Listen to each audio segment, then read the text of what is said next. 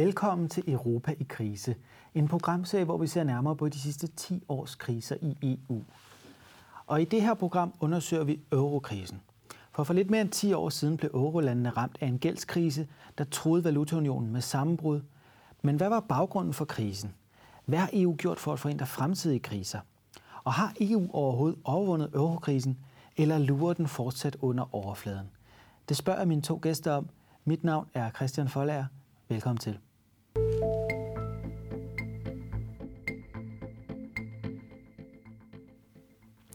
Og også velkommen til mine to gæster, Ulrik Bie, økonomisk redaktør på Berlingske, og Helge Pedersen, cheføkonom i Nordea. Ulrik, øh, vi taler jo om eurokrisen i det her program. Hvis vi nu spoler helt tilbage til krisens begyndelse for lidt mere end 10 år siden, der startede det i Grækenland, som kom i store økonomiske problemer. Hvad var det, problemet var i Grækenland? Det, der var det interessante med, med gældskrisen, det er jo, at der er mange faktorer i de enkelte lande. Men hvis man skal se sådan samlet set på det, og egentlig også dermed kigge lidt på, hvad det var, der gik galt undervejs. Det var, at man jo egentlig betragtede det i høj grad som en finanspolitisk krise. Men, øh, men det, der jo i store træk var sket i de sydeuropæiske lande, det var, at den vækstmodel, de havde, den var det var udløbet. Og, og det vil sige, det grundlæggende fundament for, hvordan økonomierne fungerer, var langt mere dysfunktionelt, vi havde regnet med. Så satte vi ind med, at vi skulle rette op på finanspolitikken, øh, men det var det helt, helt andet sted, at problemerne lå. Og det var også det, der ligesom er baggrunden for, at nogle ting gik galt undervejs, som jeg ser det. Ja, nu kalder Ulrik det gæld også, altså gældskrise, kunne man sige. Det var noget af det, der ramte mange af de her sydeuropæiske lande her lidt. De havde meget høj statsgæld, mm. og så ramte finanskrisen. Mm. De offentlige finanser kom i negativ, altså man manglede simpelthen penge, og pludselig opstod der tvivl, om de så kunne betale den gæld. Er, er det også et problem, at der simpelthen var for høj, alt for høj gæld i Sydeuropa? Det er der slet ingen tvivl om, at det var, fordi øh, renterne de begyndte jo at stige på et tidspunkt. Og så når man har en gæld, der ligger på plus 100 procent af BNP, så skal der lige pludselig bruges rigtig meget af den årlige indkomst i samfundet til bare at servicere den gæld. Så der var reelt risiko for, at der var nogle af landene, der kunne gå statsbankerot, og det var jo faktisk det, der var tilfældet for Grækenlands vedkommende, mens Italien reddede sig. Men det var jo først på grund af nogle redningsaktioner, som der kom på et lidt senere tidspunkt, øh, altså omkring 2012-13, hvor krisen for alvor spillede sig ud også i Rom. Så man kan sige, hvis man skulle oversætte til folks egne husholdninger, så svarer det til, at man havde et variabelt forrentet lån, og pludselig så stiger renten meget, så hver måned skal man betale meget mere. Det kan man så ikke nødvendigvis, og så skal man forlade sit hus. Det er lidt det, der sker i den her statsgældskrise, eller hvad? Altså... Det, er, det kan man godt sige. Ja. Det er altså, investorerne mister simpelthen tilliden til landene. De kan heller ikke få refinansieret deres gæld til en ordentlig rente. De kan ikke svare deres gæld. Vi skal også huske på, at de var kommet ud i en alvorlig økonomisk krise. Arbejdsløsheden den var jo steget kraftigt i begge landene. Øh, og indtægterne fra staten forsvinder jo så, udgifterne de kommer til at stige, så man så altså også bare, at underskuddet det steg og steg. Og så har man jo sådan en gældskvote, hvor man har en gæld i forhold til BNP, og når gælden stiger, og BNP det falder, jamen så er det bare, at det for alvor begynder at gå galt. Men skal man sammenligne med tv-program, så kan man trække den måske lidt længere og sige, at der også var tale om luksusfælden. Ikke? Fordi forud for de her kriser, øh, der havde vi jo så også, at der var nogle lande, der levede simpelthen over evne i en grad, som øh, jo, man jo ikke så andre steder. Og noget af det, som jo også var med til at skabe meget den dårlige stemning under krisen, det var årene op til 2008. Der havde Tyskland gennemgået nogle meget, meget store, meget, meget hårde reformer for at blive relevant i den, i den globale økonomi. Og der så man jo samtidig i Sydeuropa, at øh, der blev lånt penge øh, til højre og venstre, både privat og offentligt. Øh, og øh, Grækenland var jo et klasseeksempel på, øh, hvor meget sådan en udlånsvækst kan skabe kunstig økonomisk vækst. Så når man taler om, at græs BNP faldt med en fjerdedel, efter, efter krisen, øh, så var det altså et eller andet sted den gældsdrevne boble, der var, havde været i økonomien før, som blev fjernet ud igen. Og, og det skal man huske også. Øh, de meget store underskud, man havde over for omverdenen, var også et tegn på, at man levede over evne.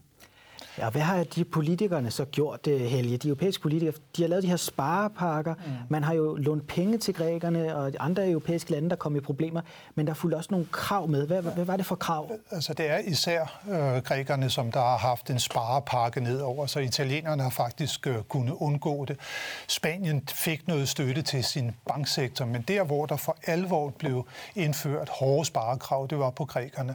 Og der må man sige, at det er jo i virkeligheden sådan noget, man næsten lærer på første års prøve på et økonomistudie. Man kan ikke spare sig ud af en krise. Den kommer bare til at blive dybere. Den private sektor i Grækenland, den var banket helt i bund. Og så for den offentlige sektor, der jo ellers normalt skal være med til at sætte gang i økonomien under en krise, bliver så også pålagt at spare. Og det gjorde altså bare, at krisen den kom til at blive endnu dybere. Og så vil jeg sige, at nu var Ulrik så inde på, at det var en lånefest, der var i Grækenland inden. Ja, det var det. Men for Italiens vedkommende, så var det jo allerede tilbage i 80'erne og 90'erne, at man opbyggede den store gæld. Og man kan jo vurdere, når man ser på de krav, der er for at være med i eurosamarbejdet, om Italien overhovedet skulle have været med, fordi deres gæld var på omkring 120 procent af BNP, da euroen blev født. Så man har begået en lang række fejl øh, fra politisk hold øh, i forbindelse med krisen, også den måde, man håndterede den på.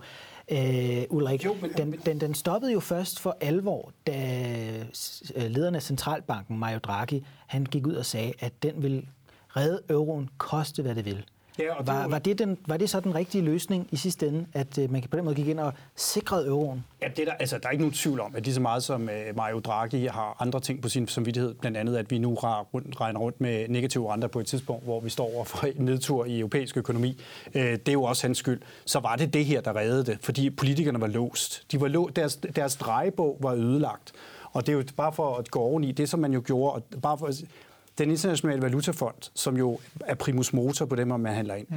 det man både, når man skal lave sådan nogle store ting, så tager man dem ind, for de kommer med et stort baseballbat, øh, og de har stor erfaring i at identificere problemer. Og det man jo gjorde, og jeg var i Athen i 2010 og endte med at købe græske statsobligationer, for jeg troede på dem.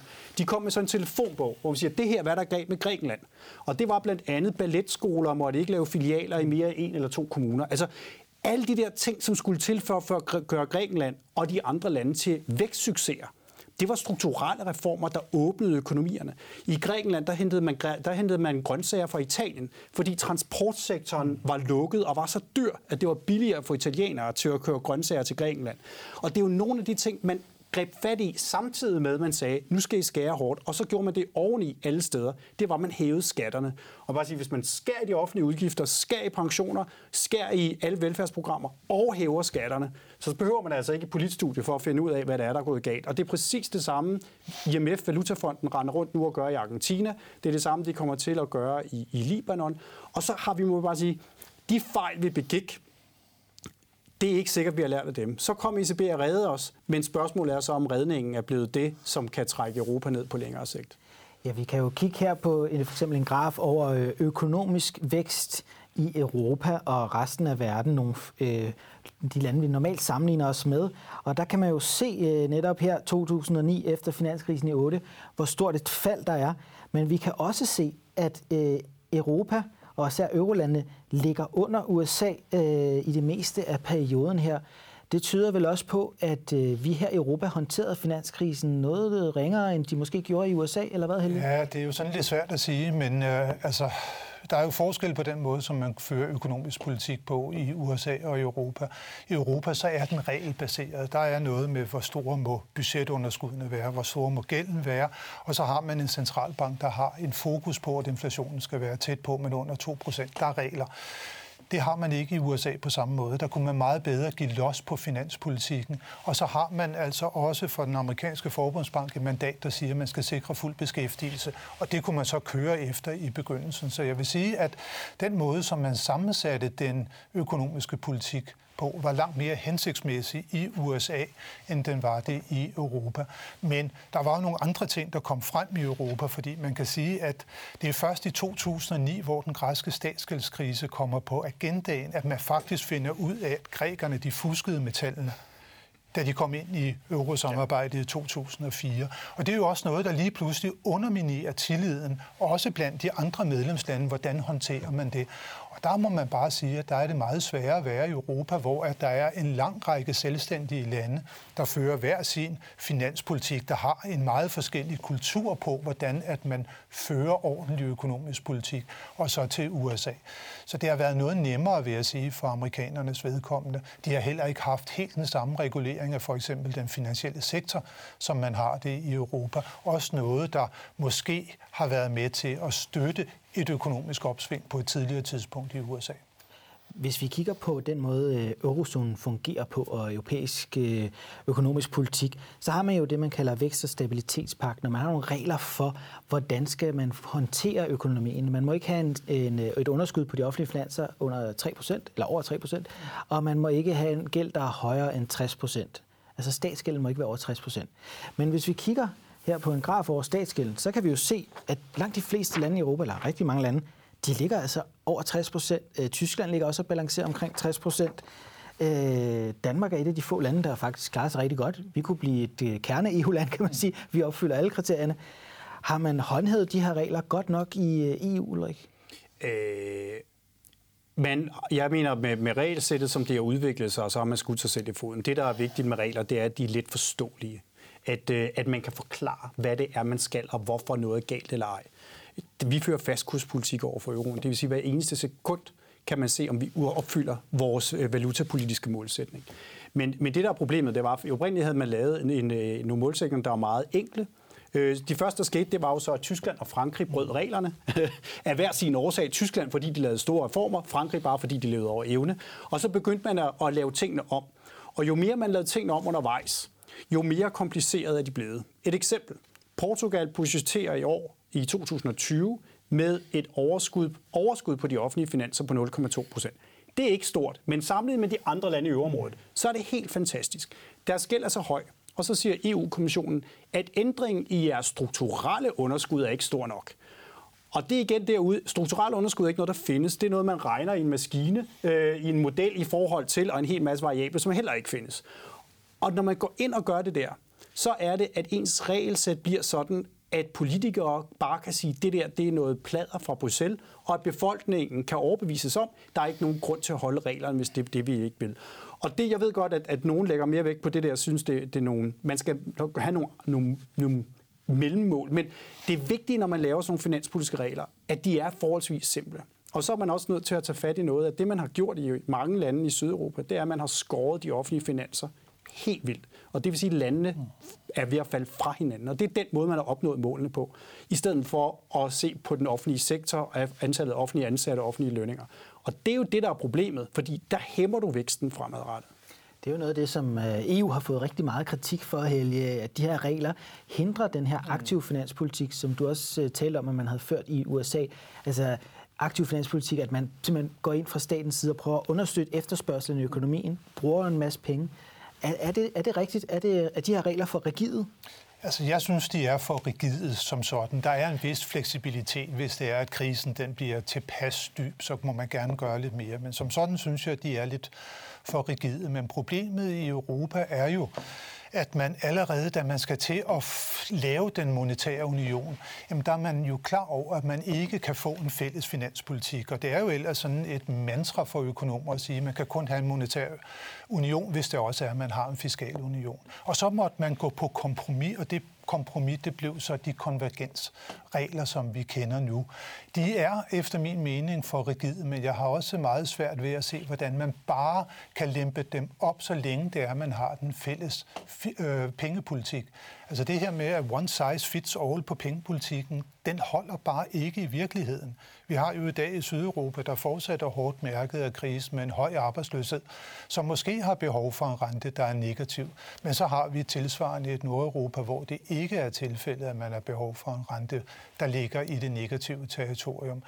Men det er forfærdeligt svært, øh, når man ikke har en fælles finanspolitik, at få det der til at spille sammen også. Men der har man altså subsidiaritetsprincippet, altså at det er, at de enkelte nationer, de har en egen ret til at føre øh, finanspolitik og arbejdsmarkedspolitik og andre former for økonomisk politik. Øh, og det er så det kompromis, altså må underskud ikke være for stort, så må gælden ikke blive for stor. Så man har en konvergens i det her område, der har den samme pengepolitik. Og, men, men det er godt nok en, det, det er en svær øh, øh, rolle, øh, som Europa øh, har for tiden at spille. Og det vi også har set, øh, Ulrik, det er jo, at man har prøvet så at reformere, hvordan man samarbejder om den økonomiske politik. For det er rigtigt, man kan ikke gå ind og bestemme, men EU har jo indført for eksempel det europæiske semester. Man prøver at koordinere mere, man prøver at blande sig lidt mere og henstille til landene, hvad de skal gøre. Er det, så, er det, er det nok til at løse nogle af de her problemer? Men prøv at læse de der semesterpapirer. Altså, de er fuldstændig volapyk. Jeg forstår ikke halvdelen, hvad der står i dem. Altså, det, det er helt gak. Altså, det, der, det er igen det der, du kommer ud på, at så har du de der, så har du nogle mellemsigtede mål og op og ned en hel masse. Altså, hvis ikke du sætter dig ind i selve systemet, så, så skal du virkelig være professionel, for at du kan forstå, hvad det er, der står i nogle af de der papirer, når kommissionen har været ind over. Og det gør, at den dialog, det er meget nemt at være italiensk regering, når du får sådan et eller andet tilbage, fordi de regler, som på den måde kan man sige, at reglerne bliver netop, som, øh, som Helge siger, at når man ikke kan gribe ind, og når man ikke kan tvinge dem til noget andet, og gøre det rigtige, som det de bør gøre for at blive en dynamisk økonomi. Så det mindste, man kan sige, så kan man ikke have noget underskud. Ikke? Altså det, det bliver lidt sådan den der default-løsning, der kommer. Men de papirer, man sender ud, det er simpelthen nogle, det, noget af det er meget kompliceret stof. Og der er det nemmere at være populistisk regering og sige, vi skal også have lov til at støtte de svage i samfundet, vi skal have lov til at investere i nye broer, og det der, som ingen forstår at læse, øh, det, øh, det, det er bare noget byråkratslyder fra, fra Bruxelles. Der er rigtig meget af det her, der handler om kommunikation som siger, at regler skal være klare og forståelige, for at det ligesom øh, giver mening for folk, når man siger, at vi skal have en regelbaseret økonomisk politik. Hvis I lige er begyndt at følge med derude, så taler vi her om eurokrisen, og mit navn er Christian Foller, og jeg har besøg af Helge Pedersen fra øh, Nordea og Ulrik Bie fra Berlingske.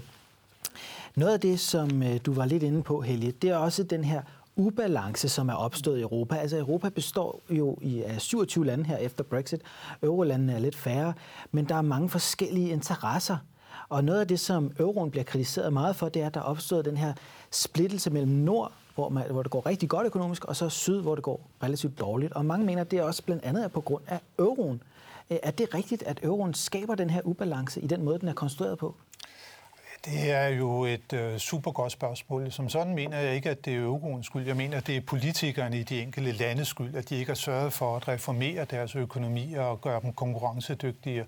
Og vi skal jo tænke på, at det her projekt, det starter jo i virkeligheden i slutningen af 80'erne, så har man en lang periode op i 90'erne, hvor at man faktisk godt kan begynde at forberede sig på det, men det er der bare ikke nogen politikere, der gør så får man de første 10 år, der går det meget fint, og nogle af de sydeuropæiske lande får jo stor, stor fordel af, at de kommer ind i euroen, fordi de adopterer pludselig Tysklands rente.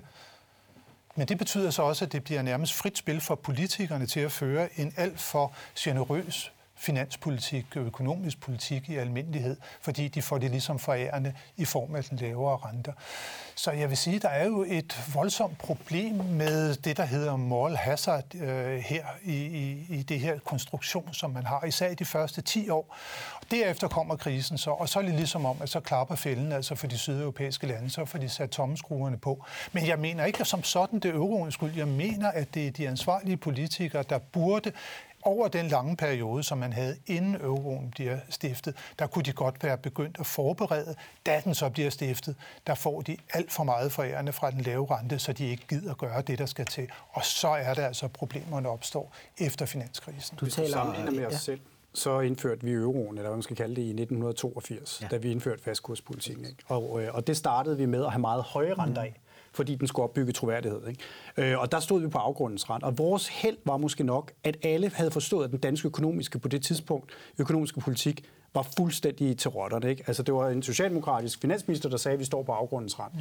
Da man går ind i euroen og får den her kæmpe, der får man rentegevinst der får man vedvind på cykelstierne. Og det vil sige, den der oprydningseffekt, som vi blev tvunget til fra 82 og frem efter, og som jo har været fundamentet under alle danske regeringer siden, nemlig den stabilitetsorienterede økonomiske politik, den var der ikke i Sydeuropa op til krisen. Mm. Og så får du det, at på det tidspunkt, hvor de så bliver tvunget til at se realiteterne i øjnene, eksempelvis har man siden midten af 90'erne talt om de store pensionsforpligtelser, der lå forud.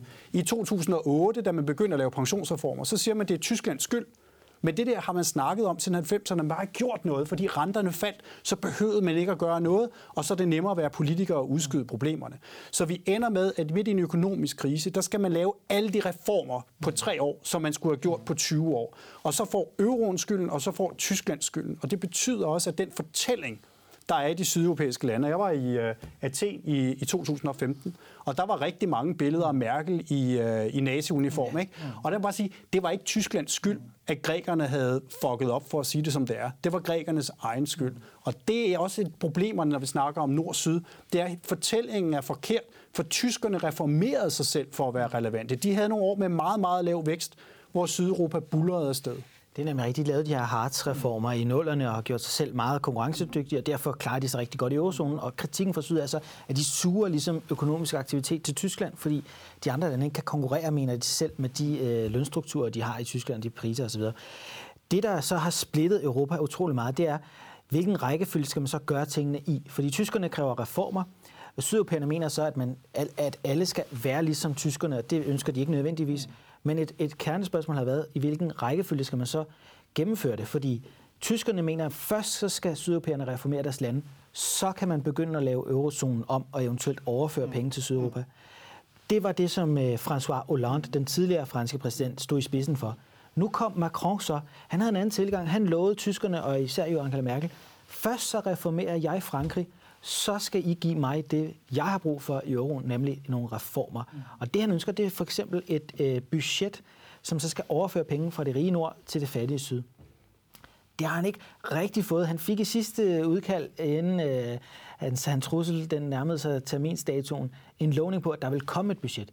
Men man har ikke fået det store beløb, han vil have, og det er ikke helt sikkert endnu, hvad der skal ske. Har tyskerne på den måde også svigtet øh, Macron, øh, Helge? Det, det synes jeg egentlig ikke. Jeg, personligt kan jeg godt lide den øh, tyske model til det her. Vi skal være sikre på, at det er, at vi ikke kommer til at hænge på de sydeuropæiske landes gæld, før det er, at vi begynder at være med til det her øh, fælles øh, finanspolitik. Øh, spørgsmålet er også i, det, i virkeligheden, hvis der på et eller andet tidspunkt måtte komme sådan en form for en fiskal kapacitet, som man kalder det, hvor stort det så kommer til at blive, om det er overhovedet er noget, der kommer til at batte. Altså, vi snakker jo i dag om et EU-budget, e som vi betaler cirka en procent til. Det er ganske, ganske lidt. I USA har man et federalt budget, der ligger på 20 procent. Hvis man forestiller sig, at man skulle have et Europa, hvor man bevæger sig op i den retning, jamen så tror jeg, man kan sige, glem alt omkring det. Det er der ingen lande, der vil være med til. Dertil, der er forskellene simpelthen for store. Man har for lidt tiltro til, at de sydeuropæiske lande, de forstår må på sigt endda at, øh, at, at mande sig op og begynde at føre en mere ansvarlig økonomisk politik. Så jeg er ikke specielt overbevist om, at det her øh, fælles øh, finanspolitik, at det er noget, der har en, en virkelig fremtid i Europa. Jeg tror, at de øh, politiske forskelle landene imellem kulturer, de er for store, øh, desværre. Jeg tror især det, at vi har haft denne her dybe krise, øh, hvor der ikke rigtigt er blevet ryddet op sådan for alvor, øh, at det gør, at man er, man er skeptisk på nuværende ja. tidspunkt. Så den tyske model er måske den rigtige, det her med at prøve at skabe en form for konvergens, reformere, men det her med at overføre penge, det, det er for urealistisk. Sådan en sund tysk øh, skepsis. Ja. Ulrik, øh, det er jo faktisk noget, vi ser i hele Europa. Vi kan jo også tage udgangspunkt bare i Danmark. Hele kampen om udligningsordningen er jo lidt det samme. Man skal overføre nogle penge fra nogle rige områder til nogle lidt fattige områder for at få et land til at hænge sammen. Så er det så bare på europæisk basis. Men befolkningerne er meget, meget skeptiske, som Helge også er inde på. Er det så at sige euroens gordiske knude, som ingen kan løse? Man er nødt til at lave noget om måske, men det er rigtig svært at få igennem. Ja, det kan man, det kan man godt kalde det. Altså, og, og det er klart, at nogle af de ting, som, som vi betragter som helt naturligt, betragter man som dybt urimeligt længere sydpå. Man må bare konstatere sådan lidt med sådan lidt nordeuropæisk hårdhed, at vi kan jo ikke stole på dem. Og det, der er det store problem, det er jo, og det kan vi bare se på Brexit øh, og de diskussioner, vi havde derover. Det, I december, der var valg i Storbritannien, der havde du valget mellem et socialistisk, marxistisk Labour og et, øh, et, et eller andet, jeg ved ikke rigtig hvad er, øh, konservativt parti. Men det betyder også, at du kan få en regering i et land, som egentlig, hvor du har været enig, og du har opstillet regler, og du har sådan også, nu gør vi den vej, og så får du en ny regering, der siger, det vil vi slet ikke være med til. Og vores problem er lidt, at, at de, det er meget en nordeuropæisk tradition, at der er bred politisk enighed om rammerne for den økonomiske politik. Udligningsreformen er vand sammenlignet med det samlede statsbudget. Det, men, men hvis ikke vi er enige om, ligesom, at vi skal holde os på, på hovedvejen, så er det, det er et problem at, at ligesom lægge tingene ind i den samme kur. Og det er der, vi ender i Europa. Det, der så er det gode med Macron, det er, at hans fortælling var, at vi er nødt til at lave Frankrig om, for at vi kan få et mere fransk Europa. Og lige pludselig blev det ikke en negativ og en defensiv mm. fortælling, han kom med, men en offensiv fortælling. Og så har han bare vil sige, mod de fleste nok øh, forventninger, jo rent faktisk gennemført mange af de ting, han har sagt. Han, ja. Og det er jo også det, der er nyt i Frankrig. Det er ikke første gang, vi har haft en præsident, der har lovet en hel masse. Det er første det er det. gang, vi har haft en præsident, der rent faktisk gennemfører noget af Han har leveret. Og øh, hvis vi helt, helt kort til sidst lige skal se også i længere perspektiv, så har man jo tit talt om, at euroen den vil gå under. Øh, Macron har også troet med, at det vil blive euroens undergang, hvis ikke man gennemfører hans reformforslag. Hvis vi nu her til sidst helt, helt kort øh, skal se 10 år frem, findes euroen så også i 2030, Ulrik? Ja, og den har flere medlemmer end i dag. Hvad siger du, Helge? Jeg tror også på, at den kommer til at overleve. Jeg er så måske lidt mere skeptisk på, om den har fået flere medlemmer. Netto. Jeg, netto. netto. Ja, jeg ved ikke, hvor de helt øh, store kandidater de ligger lige for tiden. Vi må i hvert fald se, hvad der sker, men øh, det er helt sikkert, at det også vil fylde noget de næste 10 år, det her spørgsmål om euroen. Jeg vil sige tak Helge, og tak Ulrik for, at I kom her og gjorde os klogere. Og også tak til alle jer, der fulgte med derhjemme. Husk, at vi snart er tilbage med en ny krise her på kanalen.